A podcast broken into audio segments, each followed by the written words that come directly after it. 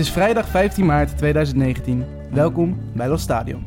Ora Morata che sbaglia l'appoggio, Emre Can recupera un altro pallone, Bernardeschi può servire sulla sinistra Spinazzola, non lo fa, si porta la palla in fondo, palla in mezzo, secondo palo!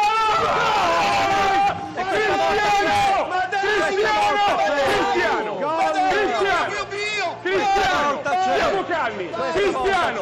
Stiamo calmi! Cristiano! Stiamo calmi! Cristiano! Stiamo calmi! Cristiano! Stiamo calmi! Cristiano! Stiamo calmi! Cristian! Stiamo calmi! Cristian! Stiamo calmi! Cristian! Stiamo calmi! Cristian! Stiamo calmi! Cristian! Stiamo calmi! Cristian! Stiamo calmi! Niemand geloofde eigenlijk nog in een remonta van Juventus tegen het ijzersterk geachte Atletico Madrid. Afgezien van misschien het eigen Twitter-account en Cristiano Ronaldo als we de WhatsApp-geschiedenis van Patrice Evra mogen geloven.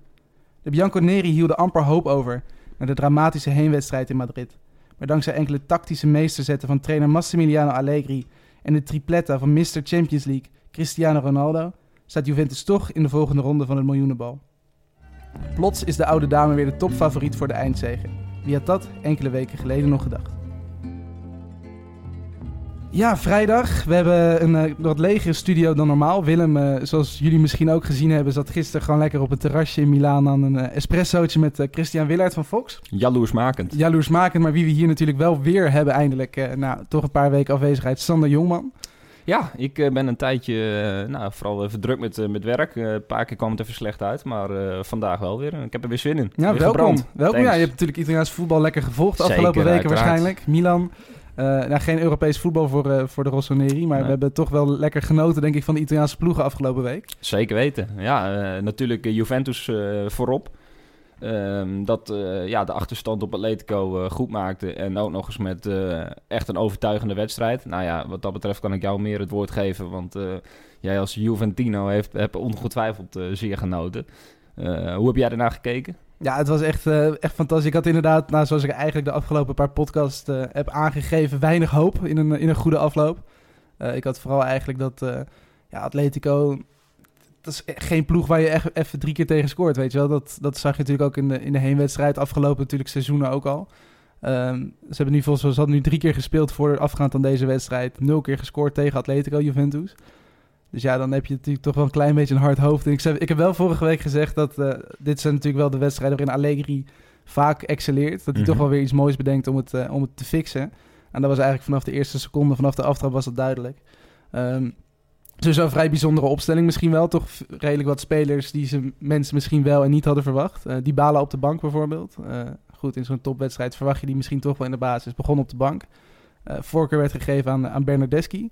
Nou, die Speelde eh, een maakte fantastische wedstrijd. Ja, zeker. Heel veel, ik zag ook op Twitter dat, eh, dat heel veel mensen hem inderdaad eigenlijk bijna niet kenden. Maar dat dit wel echt een goede introductie van hem is geweest, ook op het eh, Europese toneel. Dat blijf ik toch wel zeg maar, bizar vinden. Kijk, ik, ik besef wel dat wij meer volgen zeg maar, dan de gemiddelde voetbalvolger. Maar Bernardeschi, ja, die heeft met een jaar Fiorentina in Ja. Europa League ook... heeft hij zich al zo vaak laten zien. En je hoeft hem echt niet helemaal van begin tot eind te kennen. Maar je weet wel dat het een, in principe een rechtsbuiten is met een fantastisch linker, linkerbeen. Ja, goed, maar die speelde dus inderdaad. Nou, misschien iets eh, minder bekend. Dat is, eh, die geven dan wel Spinazzola op linksachter. Eh rechtsback. Linksback, rechts, rechtsvoetig. Ehm, ja, deed eigenlijk heel goed. Zijn Champions League debuut. Vijfde wedstrijd sowieso pas voor Juventus. Zit daar al zijn hele leven, geloof ik. Maar heel vaak verhuurd. Onlangs Atalanta, twee jaar nog. En was wat dat betreft zeg maar, vrijdag een soort van proefballonnetje. Want eh, tegen Udinese voor de competitie... toen speelde hij ook al met Spinazzola linksback. Toen Alexandro een soort van linksbuiten eigenlijk. Ja. Was dat eigenlijk een probeersel? Ja, eigenlijk wel. Nee, het was tegen Udinese inderdaad 4-1 gewonnen overigens. Toch een beetje speeltijd geven ook aan de jongens die niet, eh, eh, geen rol zouden gaan spelen in, het, in de wedstrijd tegen Atletico Madrid waarschijnlijk. Onder andere Moiski natuurlijk toen in de spits. Eh, scoorde twee keer Spinazzola inderdaad op linksachter. Ja, Alexandro die was geschorst voor deze wedstrijd in de Champions League. Dus die kreeg toen ook weer zijn speeltijd. Eh, dus dat was inderdaad een klein beetje roleren. Eh, maar goed, ja, hij heeft het heel goed gedaan eigenlijk. Spinazzola was ja, zeker tegen Atletico de eerste helft alleen maar aan het rennen ongeveer. Ja, die heeft Dus heel dat wat was, metertjes eh, gemaakt. die heeft wel wat meters gemaakt. Die was na 60 minuten was hij helemaal op, geloof ik. Toen, ja, Allegri die wilde toen een klein beetje omzetten. En niemand wist toen eigenlijk meer wat er aan de hand was. Eh, Ja, dat waren wel de, de, de vijf meest benauwde Ja. minuten van de wedstrijd. Eh, toen kreeg Juventus het ook heel eventjes moeilijk. Maar toen was het... eh, ja, kijk, ik ehm, ken Allegri vooral zeg maar, van zijn Milan-tijd natuurlijk ook van nu. Maar hij, stond, zeg maar, hij heeft de laatste titel Milan bezorgd in 2011. Eh, daarna heeft- is er een afscheid genomen van een ja, generatie, ja, van een, eigenlijk een gouden generatie. En, eh, toen moest hij het doen met minder materiaal. En hij, het ging minder met Milan, het ging minder mede door hem. Dus, en daar reken ik hem destijds reken ik hem daar best wel een beetje op af. En eh, de laatste jaren zie je wel dat het best wel onterecht was, weet je wel. Kijk, iedereen is uiteindelijk afhankelijk van zijn materiaal. En ehm, eh, je ziet gewoon bij Juventus wat voor een fantastische trainer eigenlijk Allegri is. Dat heb ik bij dan, op dat moment in die laatste jaren bij Milan niet helemaal goed op waarde geschat. Omdat je, ja, je was eigenlijk alleen maar gefrustreerd over de prestaties. En ja, als, die, als je dan ziet hoe die dat nu doet, dat is fantastisch natuurlijk. Want je vond hem wel een beetje een paniekzaaier, geloof ik. hè? Ja, nou inderdaad, ja, daar, daar wilde ik naartoe. Die, die, die vijf minuten langs de kant. Dan zie je dus weer zo'n man met een, met een bordje rennen van ja, wisselen en dan toch niet wisselen. En dan zie je een shot worden geschakeld van een mooie ski, die stond dus al klaar. En dan, zie- ja, dan zie ik dat voormoed dat langs de kant gaat. Die Hiegelen, die, kan, eh, die was natuurlijk de vierde man, Nederlandse scheidsrechter. Ja, die, die moet ik hier een keer over spreken, hoe dat allemaal is gegaan. Want eh, ja, ik, ik, dan staat er iemand klaar. En nee, nee, toch weer niet. En dan komt er weer een corner en een overtreding. Nee, dit is aanvallend. Nee, we halen hem toch weer terug. Eh, ja, ik, toen dacht ik echt, dit is weer de, de, de standaard vijf minuten paniek van Ja. Allegri. En het kostte ook bijna nog de kop, want hij speelde heel eventjes met Bernardeschi op linksback. Ja, En en toen- Benedeschi en Matuidi die vochten het een beetje met elkaar uit wie er daar moest staan, maar ze wisten het eigenlijk allebei niet. Nee, het, en dat waren eigenlijk wel de vijf minuten dat eh Atletico eventjes wat meer ging aanvallen en eventjes wat meer grip op de wedstrijd kreeg. En Ja. toen lag het spel volgens mij stil en toen kon hij rustig alles neerzetten. Toen werd ook de wissel van, van Keen volgens mij Ja. eh, doorgezet. En daarna was het gewoon weer totale controle van Juventus. Maar toen schrok ik, toen deed me dat, En dat was heel toch wel denken- even zijn billen knijpen deed me heel eventjes weer denken aan die Milan-tijd, Ja. zeg maar, van de, de totale onmacht eventjes. Maar over het algemeen moet je hem echt eh, alle credits geven voor, dit voor dit tactische plan.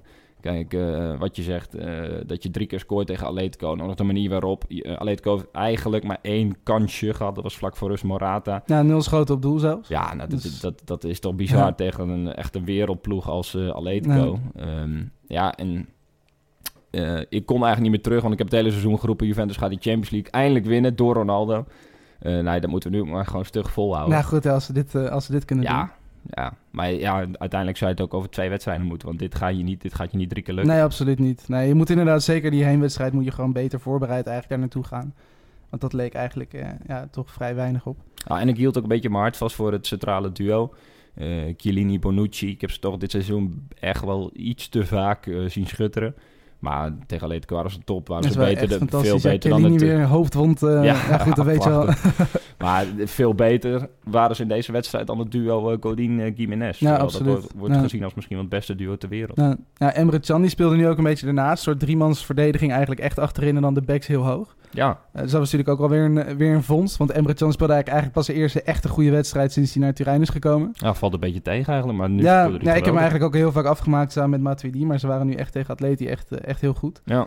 Eh, nog wel opvallend, over eh, Allegri eh, gesproken, e- eind tweede helft. Caceres en eh Bentancur staan ook nog langs de lijn. Shirtjes zijn al uit, is al twee keer gewisseld en er staan twee nieuwe spelers in, klaar om het veld in te komen. Uiteindelijk zijn ze allebei er niet ingekomen, Ja, maar en zijn dat- ze gewoon lekker op de bank gebleven. Maar dat bedoel ik dus. Dat brein van Allegri is echt soms niet te volgen. Dan doet hij de gekste dingen. En uiteindelijk pakt het fantastisch uit. En dat hoort ook wel een beetje bij Italianen. En je laten leiden door de emotie. Maar ja, hij is, de, hij is de coach, weet je wel. Die moet toch rust uitstralen in principe. Maar, Eigenlijk wel, maar goed, ja, Italiaanse coaches en Nee, rust dat uitstralen, dat is natuurlijk al een tijdje... En nu, nu weet je, nu pakt het goed uit. En dan is die eh, weer voor even de beste trainer van Italië. En eh, laten we hopen dat het nog een paar keer goed uitpakt. Maar eh, het is wel een heel dun randje je op... dat zeker. En we moeten natuurlijk ook eventjes niet om de Mr. Champions League heen, Cristiano Ronaldo. ja, is natuurlijk naar Turijn gekomen om de Champions League te winnen. En goed, eh, inderdaad, zoals ik al zei, als we die gekke berichten van eh, Evra, die toch wel een klein beetje aan het wegkwijten is daar in zijn voetbalpensioen, eh, mogen geloven, dan heeft hij het van tevoren zelfs al aangekondigd. Ja, ja, ja ik vind het echt geniaal. Ehm, hij ging naar Juventus. Dat vond ik sowieso al van een gigantisch groot karakter getuigen, weet je wel. Dat je weggaat bij de ploeg waar je het goed hebt, waar alles vertrouwd is. Dat je gewoon denkt, oké, ik ga naar Juventus en ik word gehaald als grote man. En ja, daar, ik spreek uit voor de Champions League, weet je wel. En dan in deze wedstrijd, als het eigenlijk alweer verloren lijkt, weer een verloren seizoen. Iedereen schreef alweer het plan Ronaldo mislukt. En het dan met drie goals afmaken. En dan, ja, dat is gewoon echt geniaal. Dat is echt, oh, ik heb er zo intens van genoten. Sowieso die hele dag dinsdag. Ik stond 's ochtends op en toen had ik al zoiets van, oh lekker, vanavond eindelijk weer uh, lekker Italiaans voetbal Ja. kijken. En dan, en dan die, die Ronaldo die de drie maakt. Echt fantastisch. Ja, het is wel echt een, een hele grote speler als je natuurlijk op dat moment ook op, ja, op dat niveau laat zien met een hat-trick. Ja. Heel veel beter kun je eigenlijk ook niet etaleren van... hé, hey, ik ben hier echt wel gehaald om, om iets te bereiken natuurlijk. Maar ook, zeg maar, elk shot wat werd geschakeld, ook eromheen, weet je wel. Al, elke keer die spelers bij elkaar en echt als grote leider opstaan. Ja, dat vond ik fantastisch. Ik zag ook nog een filmpje opduiken. Uh, na afloop was dat. Nou, dat hoort er tegenwoordig bij, hè, dat je dan zo'n groepsfoto met z'n allen maakt. En het was wachten op Ronaldo. Die moest waarschijnlijk nog of, uh, weet ik veel, duizend handtekeningen weggeven... of een interview doen of zo. Maar iedereen stond te wachten op het moment dat Ronaldo kwam. En toen kwam hij binnen en echt gewoon de spelers van Juventus, dat zijn geen, uh, dat zijn geen FPP'len. Die zijn we wat gewend. Die hebben de grootste jongens in die kleedkamer gehad. Die stonden allemaal te klappen als kleine kinderen voor, uh, voor Cristiano. Ja, dat is, dat is geniaal. Iedereen beseft daar ook wel, weet je, nu hebben we echt, echt een grootheid binnen. En dat, uh, dat vind ik wel echt heel mooi. Hij ging daarna nog even uit eten.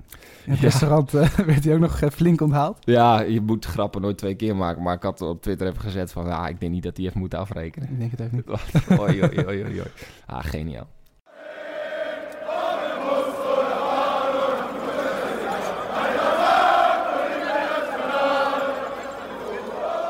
En er werd afgelopen week niet alleen in de Champions League gevoetbald, maar ook in de Europa League. We hadden, we hadden Napoli, mocht het weer tegen uh, Leipzig, uh, Salzburg, Salzburg, sorry. Uh, dan, is, dan is Red Bull Salzburg, geloof ik, hè? Dus Rasenballsport Leipzig, Red Bull Salzburg. Ja. Tegen Red Bull Salzburg mochten die het opnemen. En maar we gaan even beginnen met, met Inter tegen Eintracht Frankfurt, want onze welbekende Willem was, was naar Milaan afgereisd. Um, was natuurlijk al eventjes op, op tv te zien. En die heeft ook voor ons even een, een klein columnje ingesproken over de wedstrijd. Ik ging vanavond naar Inter Frankfurt als warming-up voor de derby van aankomende zondag. Milan-Inter. En uh, laten we beginnen bij vanavond.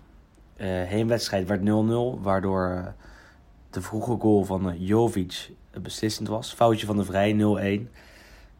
weinige intriges in het stadion. Europa League leefde toch niet helemaal. En San werd dat overgenomen door de Duitsers, door Eintracht Frankfurt. 20.000 man in het uitvak. En uh, echt heel mooi om te zien. Wat minder mooi was uh, om te zien, was het uh, spel op het veld. Frankfurt was heel erg goed, Inter heel erg slecht. Veel geblesseerden, veel geschorsten. en nog steeds een ontevreden Icardi die niet bij de selectie zat. En dat werkte echt enorm door in de wedstrijd. Inter kon geen vuist maken, stond in de laatste 10 minuten zelfs op het veld met twee jeugdspelers in de aanval en uh, Andrea Ranocchia, eigenlijk een centrale verdediger, in de spits. Resulteerde in 0-1 voor Frankfurt. Inter uitgeschakeld, enorm teleurstellend. Zeker aangezien de Europa League wel een, uh, wel een doel was om te winnen. En uh, dan is het enorm jammer dat je het niet kan laten zien, zeker in het eigen San Siro. En het baart eigenlijk heel erg zorgen in de aanloop naar de derby van aankomende zondag. Geen enkel sprankje hoop, straalde uh, de Interiste uit. En uh, voetballend was dan ook enorm slecht. Slechtste op het veld was uh, Inter rechts voor Antonio Candreva. Vraag me eigenlijk af wat hij nog bij Inter doet. En dat doen de meeste Interisti, want hij werd eigenlijk de hele wedstrijd uitgefloten.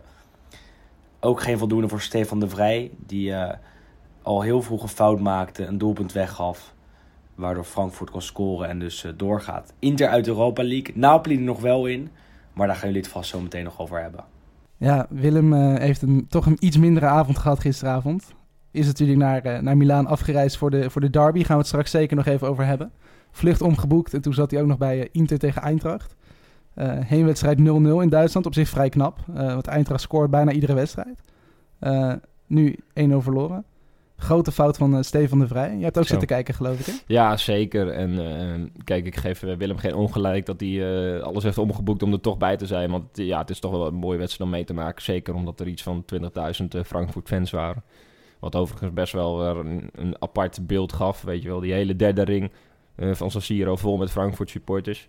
Wat heel mooi is voor Frankfurt. Alleen ja, als Inter zijn, kan je daar toch ook wel je vraagtekens bij zetten. Uh, maar de wedstrijd, die, ja, die, die was echt, wat Willem zei, die, die was echt niet best. Uh, Inter eigenlijk, ja, als je daar Icardi weghaalt, dat is sowieso al een heel groot gemis. En heb je dan ook nog niet een speler als uh, Lautaro Martinez of een Nainggolan, ja, dan is het eigenlijk gewoon heel matig wat overblijft. En dan ben je echt overgeleverd aan dat een Perisic een keer een bal goed raakt of zo. Ja, ja dat gebeurde niet en Frankfurt gewoon terecht gewonnen. Ja, nou ja, het is inderdaad ja, Na- Nainggolan geblesseerd, Lautaro geschorst. Nou, Icardi is natuurlijk eh, ja, de soap nog steeds niet afgelopen. Nee. En goed, wat erachter zit is dan inderdaad vrij matig. Was nu inderdaad Balde in de spits. Ja, dat, dat, dat is gewoon niet goed het genoeg. viel ook echt eh, vrij... Ja, één goede bal van achteren. En eh, hij kwam eh, in zijn eentje voor het doel. In plaats van dat hij hem goed aanneemt en echt één op één staat... tikt hij die bal 20 meter voor zich uit en de keeper kan hem, kan hem opvangen. Ja. Dat was nog misschien wel het meest verdrietige moment. Ehm, Maar als dan ook nog de Vrij een fout maakt en Skriniar vond ik ook niet helemaal goed ogen.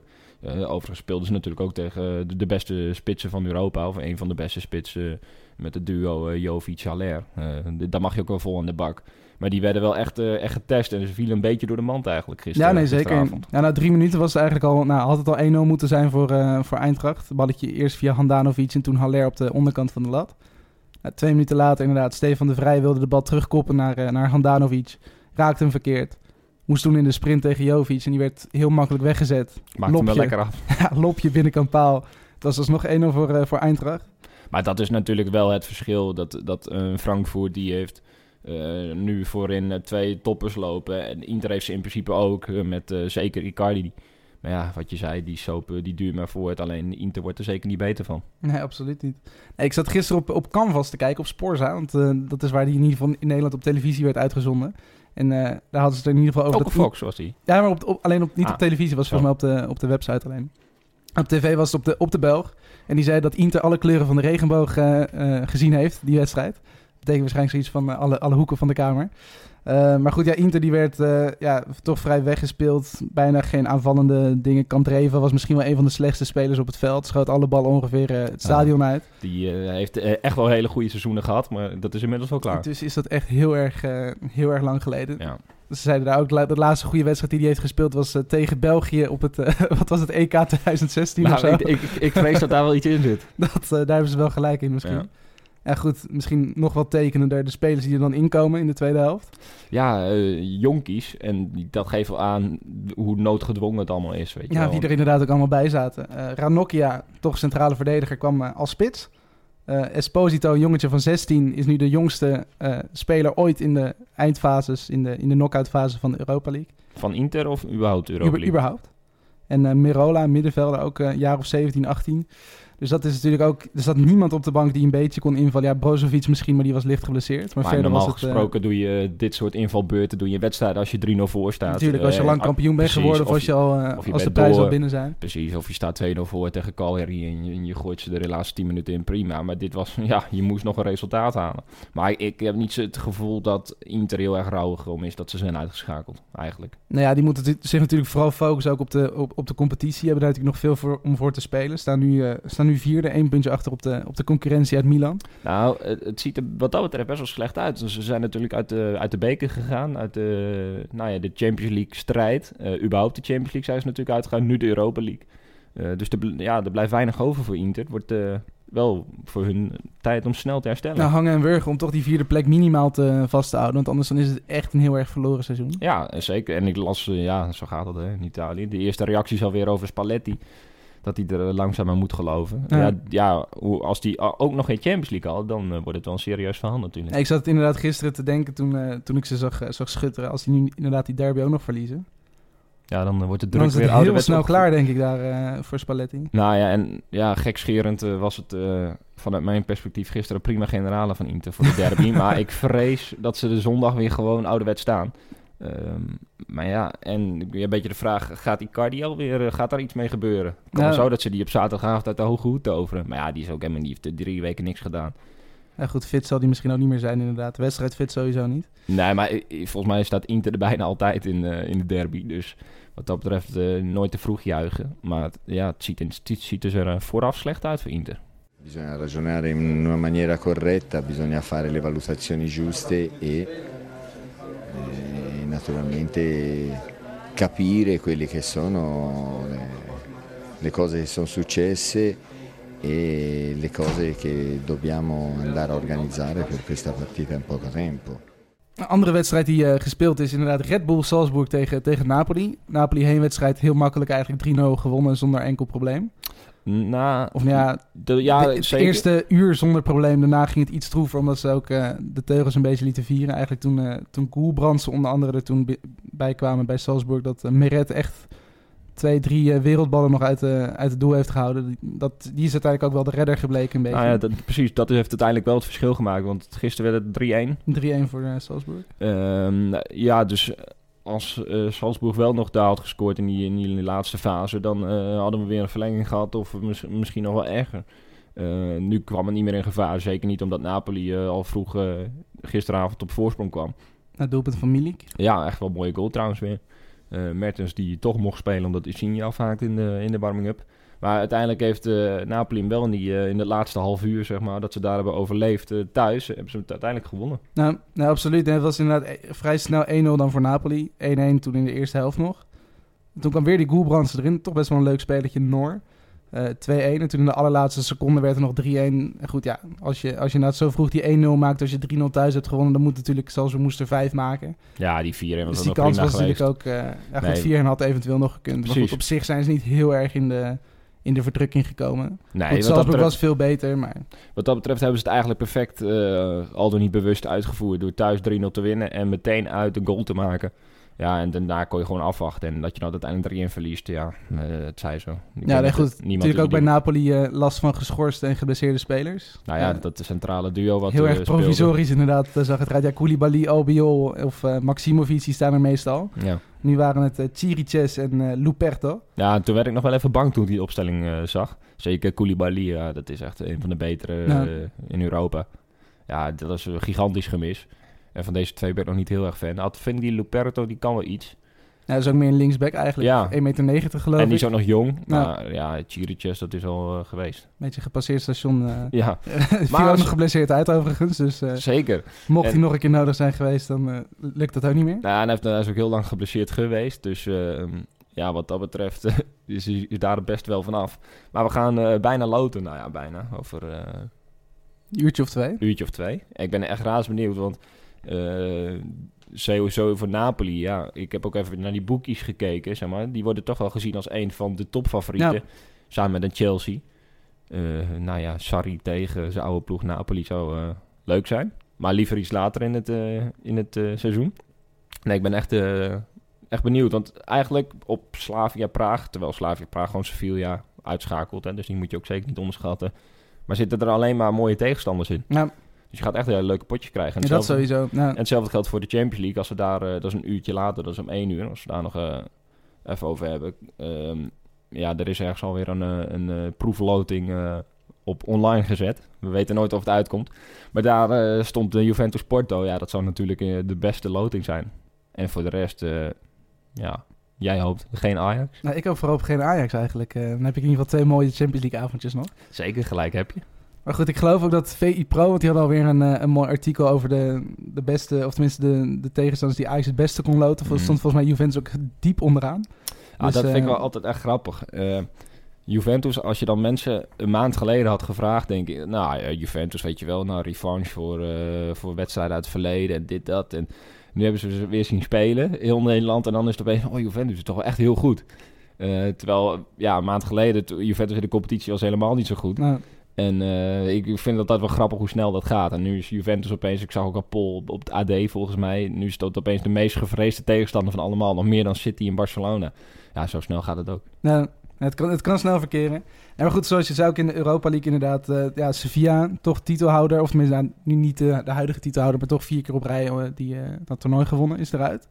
Goed, Arsenal, Chelsea zijn natuurlijk toch nog wel een paar grote ploegen. Maar Napoli hoort zeker denk ik wel bij de topfavorieten daar. zeker, Arsenal met uh, Emery. Dus uh, die weet ook wel wat het is om een, uh, om een Europa League uh, te pakken. Ja, ik ben twee jaar geleden is dat alweer met Milan bij Arsenal geweest. Toen werd Milan uitgeschakeld in de Europa League. Ja, wat dat betreft hebben, hebben Italiaanse ploeg nog iets goed te maken. Maar ja, wat dat betreft eigenlijk alleen maar mooie tegenstanders, toch? Ja, absoluut. Ja, sowieso lang geleden natuurlijk überhaupt dat een Italiaanse ploeg een Europese prijs pakte. Ik denk Inter 2010. Ja, ook geen UEFA Cup sowieso veel langer geleden. Nee, en uh, nou, we hebben Roma natuurlijk nog wel ver in de Champions League uh, gehad. Maar dat was nooit echt een serieuze kans hebben om, nee. om hem te winnen. Het was meer een prachtig uh, sprookje. Nou, in Juventus twee keer de finale verloren. ja, het wordt eigenlijk wel weer een keer tijd voor een Italiaans succesje. En dat merk je ook, weet je wel. Nu heeft Juventus echt een wereldwedstrijd gespeeld en Ronaldo. En er wordt er weer over gesproken en ook positief. En dat is alleen maar goed. Eh, maar het- ja, voor ons is te hopen dat, ze, dat de Italiaanse ploeg weer een keer echt een Europese prijs pakt. Nou, nee, sowieso. En goed, toen Napoli werd uitgeschakeld in de Champions League, eh, werd eh, Ancelotti al gevraagd tegen wie hij misschien het liefste zou spelen eh, in, de, in de Europa League. Eh, en die zei eh, daarover het volgende. Ieri ha detto eh, di, di voler la finale col Chelsea. Domani c'è il sorteggio. Io non Eh. l'ho detto. Le piacerebbe, diciamo, per i tifosi del Napoli. Ecco, Piacerebbe a tutti, ho detto, e credo anche al Chelsea e a Sarri in particolare. ma domani chi è che non vorrebbe dal sorteggio? Guarda, Se ce n'è una. No, no, credo che do- dobbiamo accettare il sorteggio.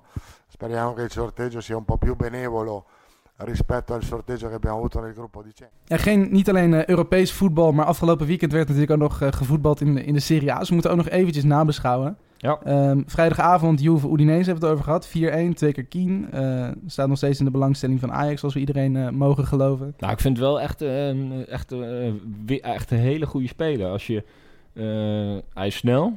Hij is nou, sowieso jong natuurlijk nog, echt een talent. Maar hij is snel, sterk. Hij heeft eigenlijk alles om, om door te breken. Nou, En ehm, het de- doet me een beetje denken aan Balotelli. Maar ja, nee, ik wil het net zeggen inderdaad qua... Ja, tenminste, de uitdrukking is natuurlijk makkelijk vergelijken.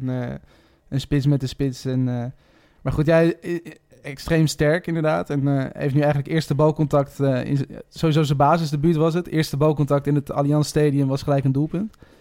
Dus wat dat betreft is het natuurlijk een goede, goede binnenkomer. Maar die zou best nog wel eens wat minuten kunnen gaan maken dit, dit seizoen. Ja, en tegen Atletico was hij nog dichtbij. Had hij Ja. moeten maken, maar... De 3-0 was het toen geweest. Dan was hij natuurlijk helemaal onsterfelijk. Had hij zichzelf helemaal onsterfelijk gemaakt. Maar zo'n gigantisch atletisch lichaam. Echt, echt wel eh, een mooie speler om te zien. Ja, zou leuk zijn als hij naar, eh, naar Amsterdam komt. Ehm, andere wedstrijden op zaterdag, eh, onder andere jouw clubje, eh Kievo. Clubje. ja, clubje. Club. Ja, club, jouw grote, gigantische club. Ging op bezoek bij Kievo in het, in het prachtige stadio Bentegodi. Nou, dit was, was typisch zo'n wedstrijd die Milan twee jaar geleden verloor of gelijk speelde. En nu winnen ze. Fantastische vrije trap van Lucas Bilia. Die zijn eerste goal sinds vier maanden. Hij is heel lang geblesseerd geweest natuurlijk. En maar nu echt een fantastische vrije trap. Suso en Bilia gingen achter de bal staan. Dan is het meestal Suso die neemt. Maar nu Bilia en echt ja, zoveel curve dat, dat hij in het zijnet belandde, zeg maar. Aan de goede kant van, de, van, de bal. Bilia is het bijna. eh. Ja, nee, dat was echt een fantastische vrije trap. Hij was ook eh, echt eh, dol van vreugde. En je zag ook bij de medespelers dat ze het hem eh, gunden. Ja, doelpuntje van eh, Christophe Piontek scoort altijd. Scoort zeker altijd. Dit was een beetje een eh onorthodoxe doelpunt wat dat betreft. Aan de andere kant ook alweer beetje weer typische Piontek. Hij maakte een, eh, was een voorzet. maakte een omhaal waar volgens Kiev een overtreding werd gemaakt. Eh, de scheidsrechter liet het spel doorgaan in de wetenschap. Die VAR die kijkt er toch wel naar. En ehm, eh, werd de bal opnieuw ingebracht. Kopbal van Castillejo. En niemand stond op te letten behalve die ene man. Christopher Piontek. En ja, die met een, een soort sliding schot viel die binnen. Ja, echt, echt weer typische spitse goal. Typisch eh Piontek. En hij staat nu op eh 19 doelpunten. Samen met eh, Cristiano Ronaldo ook 19. Cristiano. En daarboven nog eh, Fabio Quagliarella. Good old Fabio. Want die scoorde inderdaad bij eh, Sampdoria tegen Atalanta. Ja. Eh, ja, de ploeg van uh, Juriaan van Wessem tegen eh, de voetbalhipsterploeg van Europa, Atalanta. Zapata scoorde natuurlijk weer. Staat nu op, eh, op 17 geloof ik. Eh, moet ik het goed zeggen? Ja, 17. En uh, ja, goed, penalty van, uh, van Quagliarella, 1-1. En toen uh, onze ja, nou, Nederlandse Duitser, Duitse Nederlander, hoe willen we hem noemen, Robin Goossens, maakte de winnende daar. Ja. Oud Heracles FC Dordrecht. Wat ziet, wat ziet Atalanta in onze eredivisie jongens die wij als eredivisieclub zelf niet zien? Nou ja, zij zien in ieder geval... Ik denk dat zij uh, meer op eigenschappen zoeken, zeg maar, dan uh, wij in Nederland doen. In Nederland zijn we toch vaak op zoek naar nou, een verdediger die ook kan inspelen. Een linkshalf die ook mee kan voetballen. En ik denk dat ze daar wat selectiever in zijn. Bijvoorbeeld, uh, kijk, de Hatenboer en de Gozens... die hebben in principe één echte taak op die linkshalf en die rechtshalf. Dat is zoveel mogelijk lopen. En zorgen dat er... Uh, en vanuit... fysiek gewoon heel goed, allebei. Precies, fysiek heel goed. En dat er dan vanuit de verdediging... We spelen natuurlijk met een soort vijf verdedigers, vijf middenvelders. Uh, dus dat er dan een soort aansluiting is, zowel vooraan als, ach, als achterin. En uh, ja, blijkbaar zien zij die eigenschap bij spelers die wij daarin niet zien. Uh, dat ge geeft al aan. Dus de Hatenboer Goossens, dat zijn super gewaardeerde spelers bij Atalanta. Die zijn gewoon uh, min of meer basisspeler. Ja. Uh, ja, ja, het is eigenlijk best wel gek dat we dat in Nederland niet zien. Maar ja, dat hebben we wel vaker gehad met de Virgil van Dijk of zo. Dat blijkbaar zijn naar andere dingen kijken. Nou, ook opvallend natuurlijk Drone en Hatenboer inmiddels bij het Nederlands elftal regelmatig. Ja. Ook pas daar gekomen ja, na hun overstap naar Italië. Ja, en de Roon, die, die, die had ik ergens een keer gelezen, die was volgens mij wel twintig keer bekeken destijds. Toen hij nog bij Herenveen zat, volgens mij. Ehm, nou ja, het zullen, hetzelfde zullen ze wel hebben gedaan met een Hatenboer en een Goosens. En blijkbaar zien ze daar dus toch karaktereigenschappen. Hey, die, die kunnen wij prima gebruiken in ons elftal.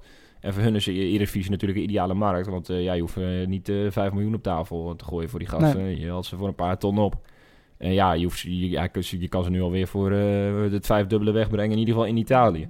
Dus ja, wat dat betreft is het vanuit de Atalanta gezien big business.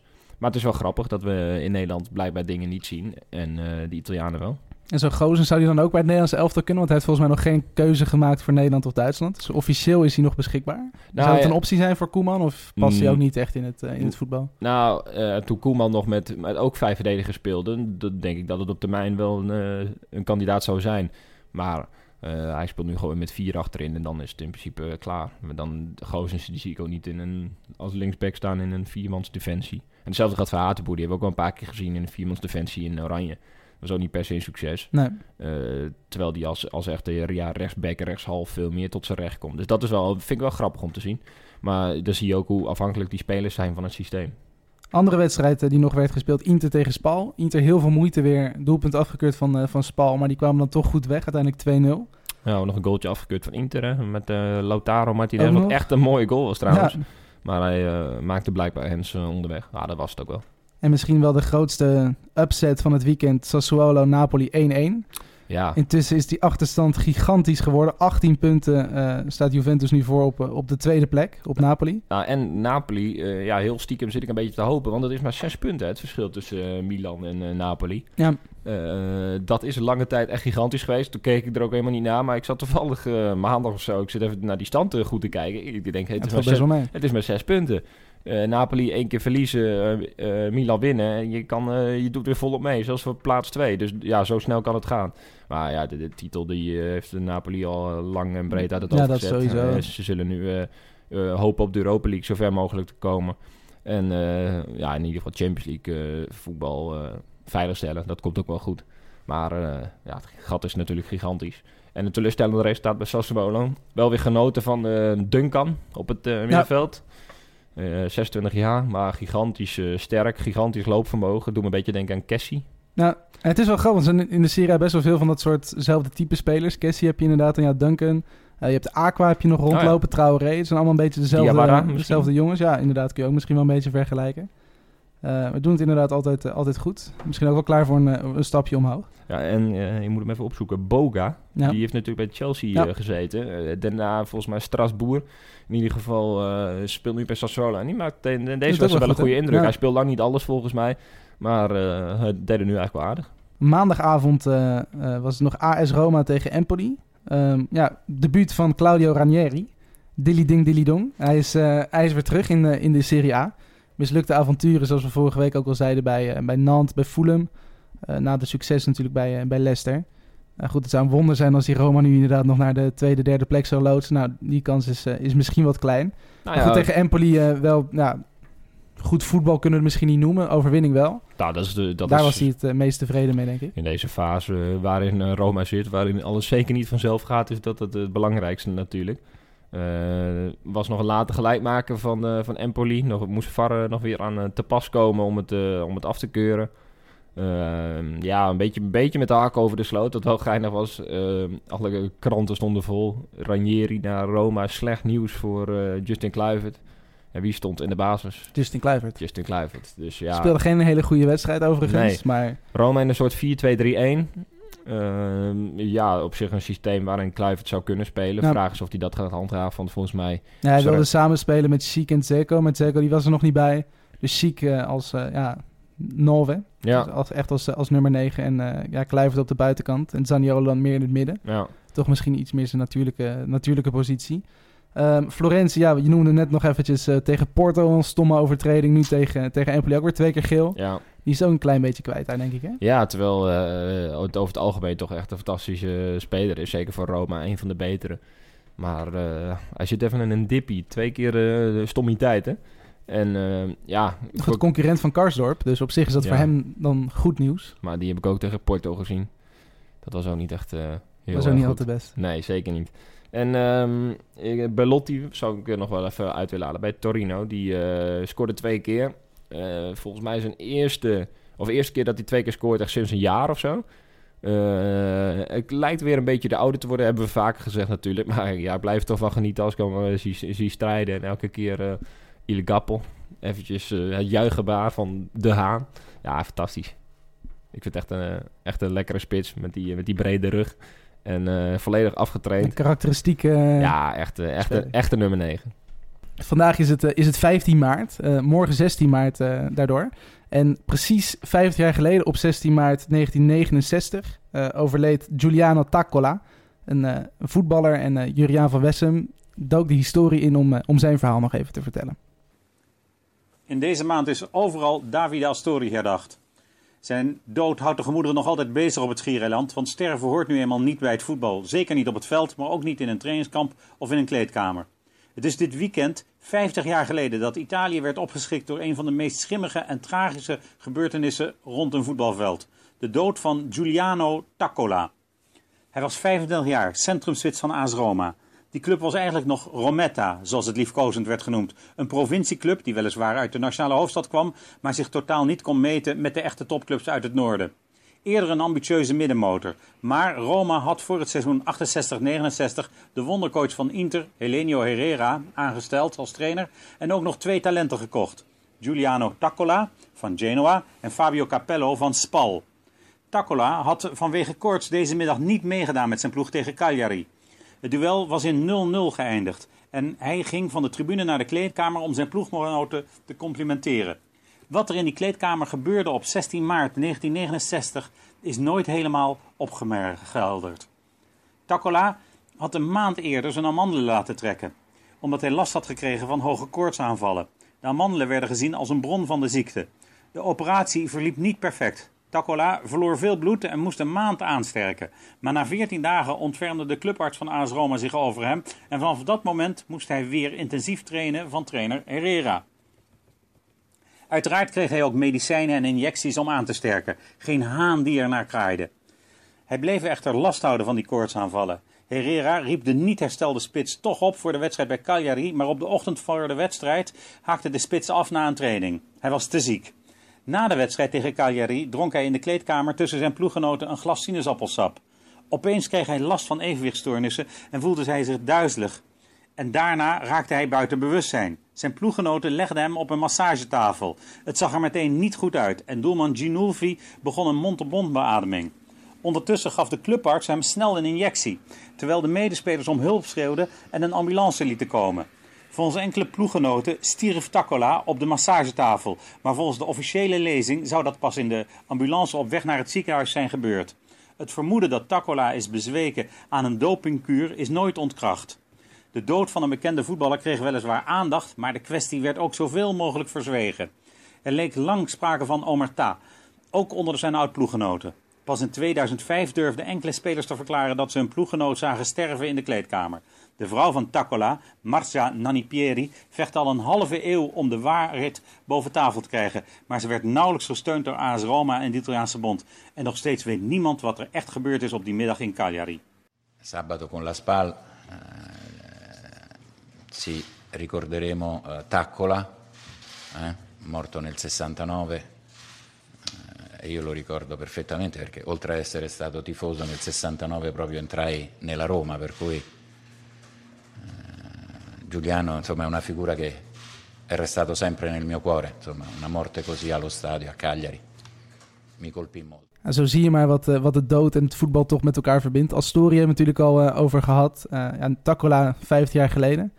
Het zijn toch bijzondere, bijzondere tafereelen in de, in de Italiaanse competitie. Nou, ik vind het mooi waar we in Nederland nog wel eens slecht in zijn om uh, helden te eren en uh, om mensen op een goede manier in het zonnetje te zetten, et cetera. Ik vind in Italië dat wel echt heel mooi hoe ze uh, met oude helden, of ze nou in dit geval overleden zijn of, of gestopt zijn, of ze weten wel altijd fantastisch hun helden te eren. Op, zo, wat, wat vorige week natuurlijk was met Astoria. Dat is fantastisch, weet je wel. Dat er bij wedstrijden echt een minuut lang gewoon de, de bal wordt uitgeschoten of onder de voet gehouden staande ovatie, foto op het beeldscherm. Uh, ja, dat, dat vind ik wel echt prachtig. Dat kunnen eigenlijk alleen Italianen. Allora, Livorno-Crotone 10, Bari-Modena 11. Tesoro, è 1-0, 1-1. Scusi. Livorno-Crotone 1-0, Bari-Modena 1-1. Ja, en dan vooruitblik op het aankomende Serie A weekend. Nou, de topper eh, AC Milan-Inter, half negen zondagavond, daar zullen we mee afsluiten. Eh, we gaan eerst, eh, we beginnen vanavond al, Cagliari tegen Fiorentina. Eh, bij Fiorentina is meneer Muriel aardig in vorm. Zo. zit intussen ook al een paar wedstrijdjes op rij dat, hij, dat hij op het scoreformulier staat. Misschien wel een van de beste aankopen deze, deze winter van de Italiaanse Mercato. ja, misschien afgezien van Piontek, maar... Ja, maar dat, dat zijn wel. je ziet het niet vaak dat je in, in de winter een speler haalt waar je echt direct beter van wordt. En in het geval van Muriel, ja, fantastische goals gemaakt. eh, die hebben ze gehuurd met optie. Volgens mij wel met optie, ja. Maar ehm, ja, echt eh, voor Fiorentina een fantastische speler. En Cagliari heeft een tikkie gehad eh, afgelopen weekend tegen Bologna. Want, eh, 2-0 Bo- verloren. Ja, en Bologna die won voor het eerst sinds, eh, sinds, sinds, sinds maanden een thuiswedstrijd. Dus eh Cagliari moet aan de bak. Bologna trouwens, Mitchell Dijks. Heb je de, heb je de foto's voorbij zien Ja, komen? Die is, eh, fantastisch. Mercole Dijks. Die had- Mercole die, die, Dijks. had zijn eigen dag gekregen in, in Italië. Is eh, speler van de maand geworden. Mhm. Eh, heel populair daar. Mocht in, het, eh, ja, de, fans, in de fanshop, fanstore van, van Bologna mocht hij signeren. Ja, we, moeten, we moeten echt binnenkort even met hem skypen. we moeten hem echt even spreken hierover. Want Ja, dat had hij waarschijnlijk zelf ook nooit aanzien komen. Dat hij, dat hij binnen een paar maanden eigenlijk misschien wel een van de publiekslievelingen was in het Renato de Lara. Ja, maar dat, ja, en- dat sluit een beetje aan met wat we net zeiden. Ehm, hij heeft, bij Ajax werd hij natuurlijk op een gegeven moment weggehoond van... eh, ja, weet je wel, alleen maar denken in beperkingen. En ik zeg ook niet dat hij van een niveau Ajax is. Maar bij Bologna... eh Dat gewoon een ander soort voetbal natuurlijk. Ja, maar dan staat hij ook linkshalf. Ook in een, in een systeem waarin hij gigantisch veel moet lopen. En eh, ik las ook ergens een verhaal met Dijks... dat hij ook wel echt topfit is en leeft als een monnik nu en noem maar op. Dus dat speelt natuurlijk ook allemaal wel mee. Maar hij is natuurlijk wel, hij is, hij is sterk, eh, gigantisch fysiek. Eh, en hij- blijkbaar heeft hij ook gigantisch veel loopvermogen. Hij blijft maar gaan op die linkerkant. Ja, en eh nou ja, zijn voorzet, daar wordt altijd vaak om gelachen. En nu komt er ook nog af en toe een bal aan. Ja, dan is het blijkbaar voor Bologna een hele goede speler. En ik heb hem in die samenvatting tegen Cagliari gezien. Ja, toen maakte hij ook echt wel een goede indruk. Een paar Ja. keer goede voorzet op Santander. En hij bleef maar lopen, wint zijn duels. Ja, dan is het voor een, een ja, relatief kleinere club als Bologna in de Serie A... is dat echt eh, een prima, prima aankoop eigenlijk. En hij heeft voor vijf jaar getekend. Dus hij mag nog even. Ja, maar moet wel tegen Torino. eh, doen het ook vrij aardig. Staan nu, eh, staan nu zesde zelfs, Europese plek. Eh, dat is natuurlijk toch best wel bijzonder. Mazzari, eh, niet, geen hele grote spelers in die, in die ploeg. Nou ja, Belotti. Ja, Belotti is eigenlijk de enige, die echte, de enige echte grote naam. Ja. Hebben natuurlijk ook een paar groot, ja, grotere namen geprobeerd te halen. Zaza, nou, die, die, die komt er niet uit de verf. Iago Falque, vorig jaar vooral goed. Dit seizoen valt hij ook nog, ook nog wel redelijk tegen. Eh, maar die doen ook gewoon nog volop mee om die Europese plekken. Staan zelfs nog boven Atalanta en Lazio en Sampdoria en Fiorentina. Ploegen die je misschien zeker voorafgaand aan het seizoen hoger had ingeschat. Ja. Eh, ja, bij Torino is natuurlijk wel al jaren een, duidelijk systeem en een duidelijk eh, plan. Ze hebben ook best wel wat van die lekkere buffeltjes in het elftal lopen met die Meite en, en Kulu. En er staat nog zo'n reus achterin. Ik kan even niet op de naam. Gigi? Ja, Gigi. Ja, dat is echt niet normaal wat, eh, wat ze daar ook qua kracht hebben. En als er dan nog wat voetbal mee staat, dan zie je me weer. Dan kan je best wel komen. En eh, ja, Belotti is gewoon een toppen. Misschien leuk om die wedstrijd te kijken. Wordt eh, gewoon uitgezonden op Nederlandse televisie. Op Ziggo Sport eh, Voetbal maken we daar ook eventjes een klein beetje reclame voor. Ehm, andere wedstrijd, die zaterdag zelf nog, Spal tegen Roma. Tweede wedstrijd van Ranieri. Ik zat van de week een interview of een persconferentie van hem, van hem te luisteren. Eh, wilde dat er heel veel fans, tenminste hij was sowieso blij met de fans die al naar het stadion eh, waren gekomen tijdens de debuutwedstrijd. Eh, maar hoopte dat er ook heel veel mee zouden komen naar, naar Ferrara, naar Spal. Want hij vergeleek AS Roma met een, met een patiënt in het ziekenhuis. En ze waren ziek en ze, hadden dus alle, ze zitten, zitten aan de beademing. En ze hebben dus in de vorm van de fans alle dokters nodig die, ja, die mogelijk zijn. Spreekt altijd eh, mooi filosofisch en in metaforen, die man. Ja, dit eh, is wel een eh, typische Ranieri-uitspraak. maar ehm, nou ja, dat ze alle hulp nodig hebben, dat is één wat zeker is. Want het eh, gaat allemaal niet, wat ik zei, het gaat allemaal niet vanzelf. Maar ehm, ja, Spal uit, laten we... Wel een overwinning, denk ik. Hè? Ja, ja, Spal moet er toch eigenlijk uit. Ik, ja, we hebben het een keer met Willem over gehad van... Wat de echte Serie A-ploegen zijn en welke niet. Ja, wie hoop je nou dat dat degradeert? Zeg maar, we gaan er al vanuit dat eh Chievo, Frosinone, die zijn we sowieso kwijt. Waar ik ook niet echt rouwig om ben. Als dan Spal daar nog bij kan, dat zou wel lekker zijn. En beter dan Empoli of Bologna. Ja, of Udinese. Of, eh, Precies. Die, die toch wel liever in, eh, in A.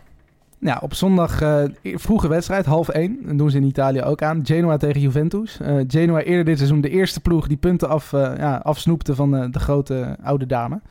Ehm, nu uitwedstrijd. Cristiano Ronaldo, die misschien nog... ik, ik neem aan dat hij wel gewoon zal gaan spelen. Ehm, ja, ik kreeg natuurlijk wel rust tegen Udinese, maar dat was natuurlijk voorafgaand aan eh, Atletico. Ja, het is vooral eventjes de vraag eh, in hoeverre leeft Juventus nog in euforie van, van die wedstrijd. Van, we hebben ons gekwalificeerd, nou ja, straks is die loting. Eh, daar moeten ze nog een beetje van bijkomen. Dit kan maar zo een overwinning worden voor Genoa, al zijn die heel, echt niet best. Of, of een gelijkspel. Maar ja, het zou Juventus ook allemaal... ze vinden het allemaal prima. Ja goed, 18 punten voor. Willen misschien natuurlijk wel die ongeslagen status. Eh, je hebt natuurlijk eh, Arsenal 2004 geloof ik, de Invincibles. Ja. Eh, Ik denk de laatste ploeg in de grote vijf competities die een heel seizoen niet verloor. Is Juventus toch ook al een keer gelukt? sindsdien geloof ik niet meer. Ik dacht dat zij een keer een seizoen met, eh, wat was het, 100, eh 107 punten hadden of zo. En, of 102. En volgens mij bleef ze toen ook ongeslagen. Maar, eh, Moeten we, even, moeten we even opzoeken. Ja, hier hebben we Mark van. Rijswijk of Sportsloot voor nodig. We hebben toch wat, eh, wat meer mensen nodig die daar eh, Ja. de facts, eh, de Zo facts doen. irritant dat er geen redactie is hier. Vervelend is dat, hè? Ja. Ja, Empoli Frosinone, een lekkere degradatiekraker hebben we ook nog op zondagmiddag. Ehm, opvallend bij Empoli, Andriazzoli, de trainer die eh, begin dit seizoen werd ontslagen, is weer terug. Ja. Een beetje Palermo-praktijken misschien wel. Ja, en ehm, ja, op zich wel, wel grappig natuurlijk. Want we hebben het wel eens gehad over eh, Empoli. Dat daar de trainerswissel nou wel een soort van effect heeft. Nou, dat blijkt op de lange termijn dat dat toch weer niet zo is. Want ze Beppe hebben- Iacchini was daar eh, de opvolger begin dit seizoen, de man met de pet. Ja, en dat ging in het begin heel goed. Want eh, volgens mij die eerste zes, zeven wedstrijden pakten ze echt best wel veel punten. eh, Een paar overwinningen zelfs. En ja, uiteindelijk kwam toch de klad weer in. Volgens mij nu een wedstrijd of 9, 10 achter elkaar niet gewonnen. Ja, en de- ja, nou, dan is de oude trainer die toch op de payroll eh, staat. Ja. En maar weer terug. Precies, zijn meest eh, gepasseerde defensie van de hele competitie samen met Chievo. Ja, zo gaat dat in Italië. Dus ja, Andriazzoli weer terug, werd kampioen in de Serie B, deed toen vrij aardig. Dus eh, die mag alle zeilen bijzetten om toch nog die ja, rechtstreekse degradatie te ontlopen. Ja, en dan de topper van dit weekend. Iedereen eh, kijkt er al naar uit, zeker in Italië, maar ook, eh, ja, ook hier in Nederland. Eh, Willem, die is natuurlijk speciaal daarvoor eh, naar de wedstrijd, eh, of tenminste daarvoor voor die wedstrijd naar Milaan getrokken. AC Milan tegen Internationale. Ja. En eh, die beschouwt even op zijn eigen manier voor. Aankomende zondagavond staat met Milan Inter de Derby della Madonnina op het programma. Die heet zo omdat men tijdens deze wedstrijd tussen Milan in het rood-zwart en Inter in het blauw-zwart speelt om het Maria-beeldje boven op de Dom van Milaan. Dat is natuurlijk figuurlijk zo. Wint Inter, dan kleurt de Madonnina blauw-zwart. Wint Milan, dan kleurt de Madonnina rood-zwart. Dus even afwachten hoe het aankomende zondagavond zal zijn. Milan eh, gaat de derby in met een uitstekende vorm. Eh, aantal rij gewonnen. Aankopen Paqueta, Braziliaan, en Piontek. Die maken echt verschil bij de Milanisti. Leiden eh, de Rossoneri echt naar heel veel overwinningen. En inmiddels naar een derde plek op de ranglijst. Waarbij ze Inter zijn eh, voorbijgestevend. Inter dat eh, natuurlijk niet in de goede vorm steekt. Ehm, vorige, twee weken geleden verloor van eh, Cagliari. Tegen Fiorentina gelijk speelde. En ook afgelopen donderdag, dus gisteravond, werd uitgeschakeld door Frankfurt is afwachten wat Spalletti kan doen om zijn mannen weer klaar te maken voor, voor de zondag, voor zondagavond, voor de derby met Milan dus. Die wel eh, enorm leeft in de stad. Stadion is uit, eh, uitverkocht, 78.000 man op de tribune. Waarvan er 50.000, liefst 50.000 uit het buitenland komt, volgens de statistieken van Milan. 50.000 man die dus wel meer dan 95 euro eh, voor een kaartje hebben betaald om bij deze wedstrijd te zijn. En daarvan zijn er dan weer heel veel uit Amerika, heel veel uit Azië. waardoor het echt nog steeds een internationale derby is. Met enorm veel allure. Voetballen natuurlijk wat minder dan eh, een aantal jaar geleden.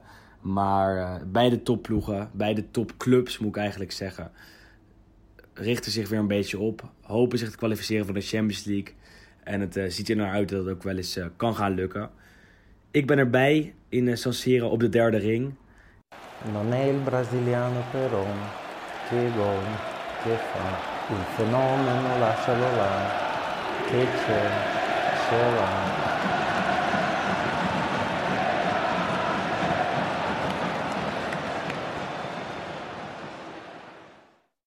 Ja, AC Milan, jouw club natuurlijk. Ehm, in de derby. Heeft dat voor jou echt nog een eh, speciale waarde? Kijk je echt dan liever naar die, die wedstrijden dan bijvoorbeeld een Milan tegen Juventus of een Milan-Roma, Milan-Napoli? Ja, zeker. Ook omdat ik het eh, een keer of vijf eh, nu heb meegemaakt. En je weet zeg maar dat, dat drie uur van tevoren al totaal gekhuis is in, de, in, de, in het stadion.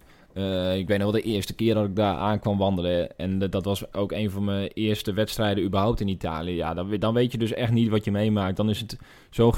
Kijk, in Nederland ben ik in elk stadion wel geweest. En dan ja, is het ook wel eens... Je hebt wel eens goede sfeer en slechte sfeer. Maar wat je daar aantreft eh, in San Siro, dat is dan echt, echt buitenaards, weet je wel. Dat alles staat elektrisch en alles op die wedstrijd. Begint, wat ik zei, drie uur van tevoren. En als dan die eerste, als dan de keepers naar buiten komen, ontploft het stadion. En dan komt, de- komen de keepers van een tegenpartij een fluitconcert. Nou ja, je, je hebt echt oprecht last van je oren op een gegeven moment.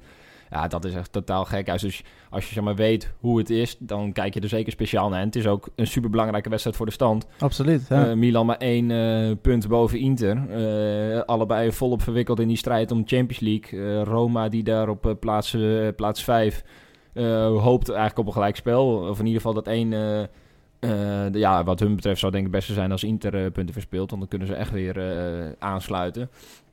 Maar eh, ja, in alles belooft het een fantastische wedstrijd te worden. Niet qua wedstrijd, maar meer qua spanning. Zeg maar. Want Qua sfeer, alles qua eromheen.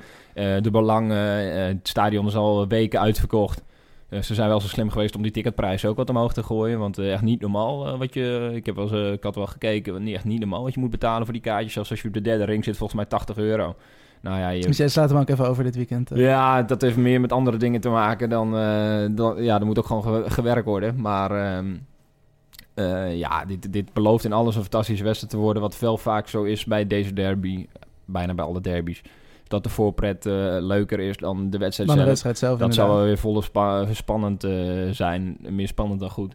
Maar ja, zo kijk ik ook die wedstrijden. Ja. Dus gewoon een 90 minuten lang nagelbijten. En uiteindelijk hopen dat eh, Milan eh één goaltje heeft gemaakt. Of Ja, afgelopen, wet, afgelopen eh, de laatste derby in ieder geval eindigde in 1 over Inter. Ja, en, Icardi eh, in de allerlaatste secondes. Ja, en eh, we hebben ook eens een keer een krankzinnige wedstrijd gehad met Zapata. Met een halve omhaal onderkant lat. Die uiteindelijk door de doellijntechnologie wel werd toegekend. Kan me ook nog ergens Ook in herinneren. de allerlaatste minuut was dat toen? Ja, Was ja het dus we- 2017? we, hebben wel een paar krankzinnige eh, meegemaakt inmiddels. En goed, de laatste keer dat Milan won was in januari 2016. Dat is bijna drie jaar geleden. Nou, we hebben het even op moeten zoeken. 3-0 werd het toen. Alex, Bakka en Niang. Ja, moet je nagaan. En een middenveld met, eh, wat zei je, Montalivo en Ja, Kuchka geloof ik. Mijn, mijn goede vriend Montolivo op het middenveld. Eh, ehm, ja, en ja, ik ben wat dat betreft best wel een klein kind. Want ook deze eh, gisteren, terwijl ik voor de Europa League ook, ja, weet je, dus je een beetje te verheugen en zo. Dan ga ik al die, ja, dat is heel dom, maar dan ga ik me van die oude wedstrijdjes van Milan zitten terugkijken op YouTube en zo, weet je wel. En dan al, al die kanonnen kwamen langs. eh, wat recente, Ibrahimovic, Thiago Silva, KK langs zien komen. Shevchenko, die had er weer bij Dazon, het, zeg maar, het... Ja. Het, eh, ja, hoe zou ik het vergelijken? Ze- Italiaanse Fox Sports Go Ja, of zo. precies, ja, zoiets. Ehm, in, in ieder geval, daar had hij dan weer... eh, Zijn eigen liedje, Zijn eigen lied eh, had, had, had hij meegezongen. Ja, dus, dan zit ik daar alweer... Ik heb dat filmpje nu alweer 30 keer bekeken. Dus in dat opzicht ben, ben ik best wel een klein kind. Dat ik me echt verheug op deze wedstrijd. En zondagavond, ja, ik, ik kan er dan helaas niet naartoe gaan. Maar reken maar dat ik, eh, dat ik klaar zit. En, eh, en dat het echt eh, volop, eh, volop spanning en nagelbijten wordt. En heb je nog een, eh, een voorspelling?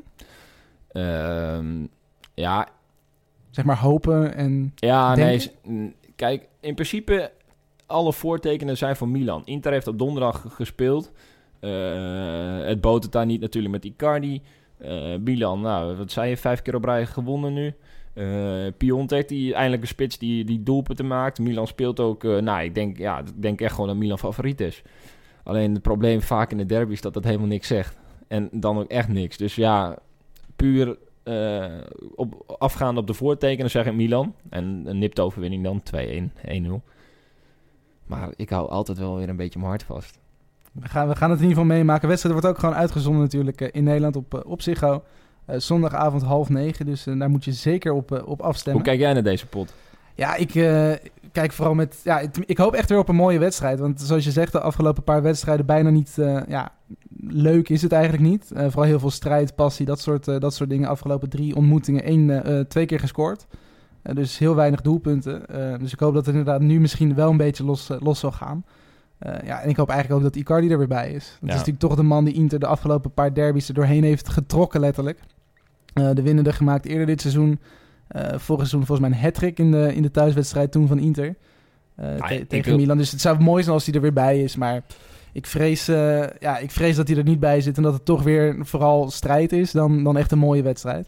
Ja, ik, ik hoop eh, niet dat Icardi erbij is, puur zeg maar, vanwege Milan-perspectief. Vanuit de wedstrijd wel. Eh, ook internationaal gezien. Je moet er toch niet aan denken dat je deze wedstrijd speelt met eh Keita Balde in de spits. Nou, het zou Lautaro zijn. Ja. Maar zeg maar, ja, dat, dat is wel miniem. Zeg maar, dat aderlating natuurlijk toch? Ja, en ook voor je uitstraling van de wedstrijd, van de competitie is het niet goed als je met, met dat soort namen in de, in de spits staat. Wat dat betreft moet je hopen op, op Icardi.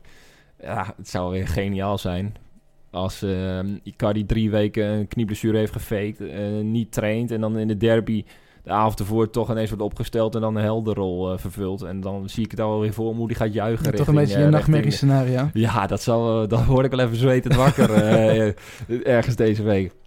Nou, maar ja, in principe gaat hij niet halen natuurlijk, want hij, hij, heeft, hij is helemaal niet fit.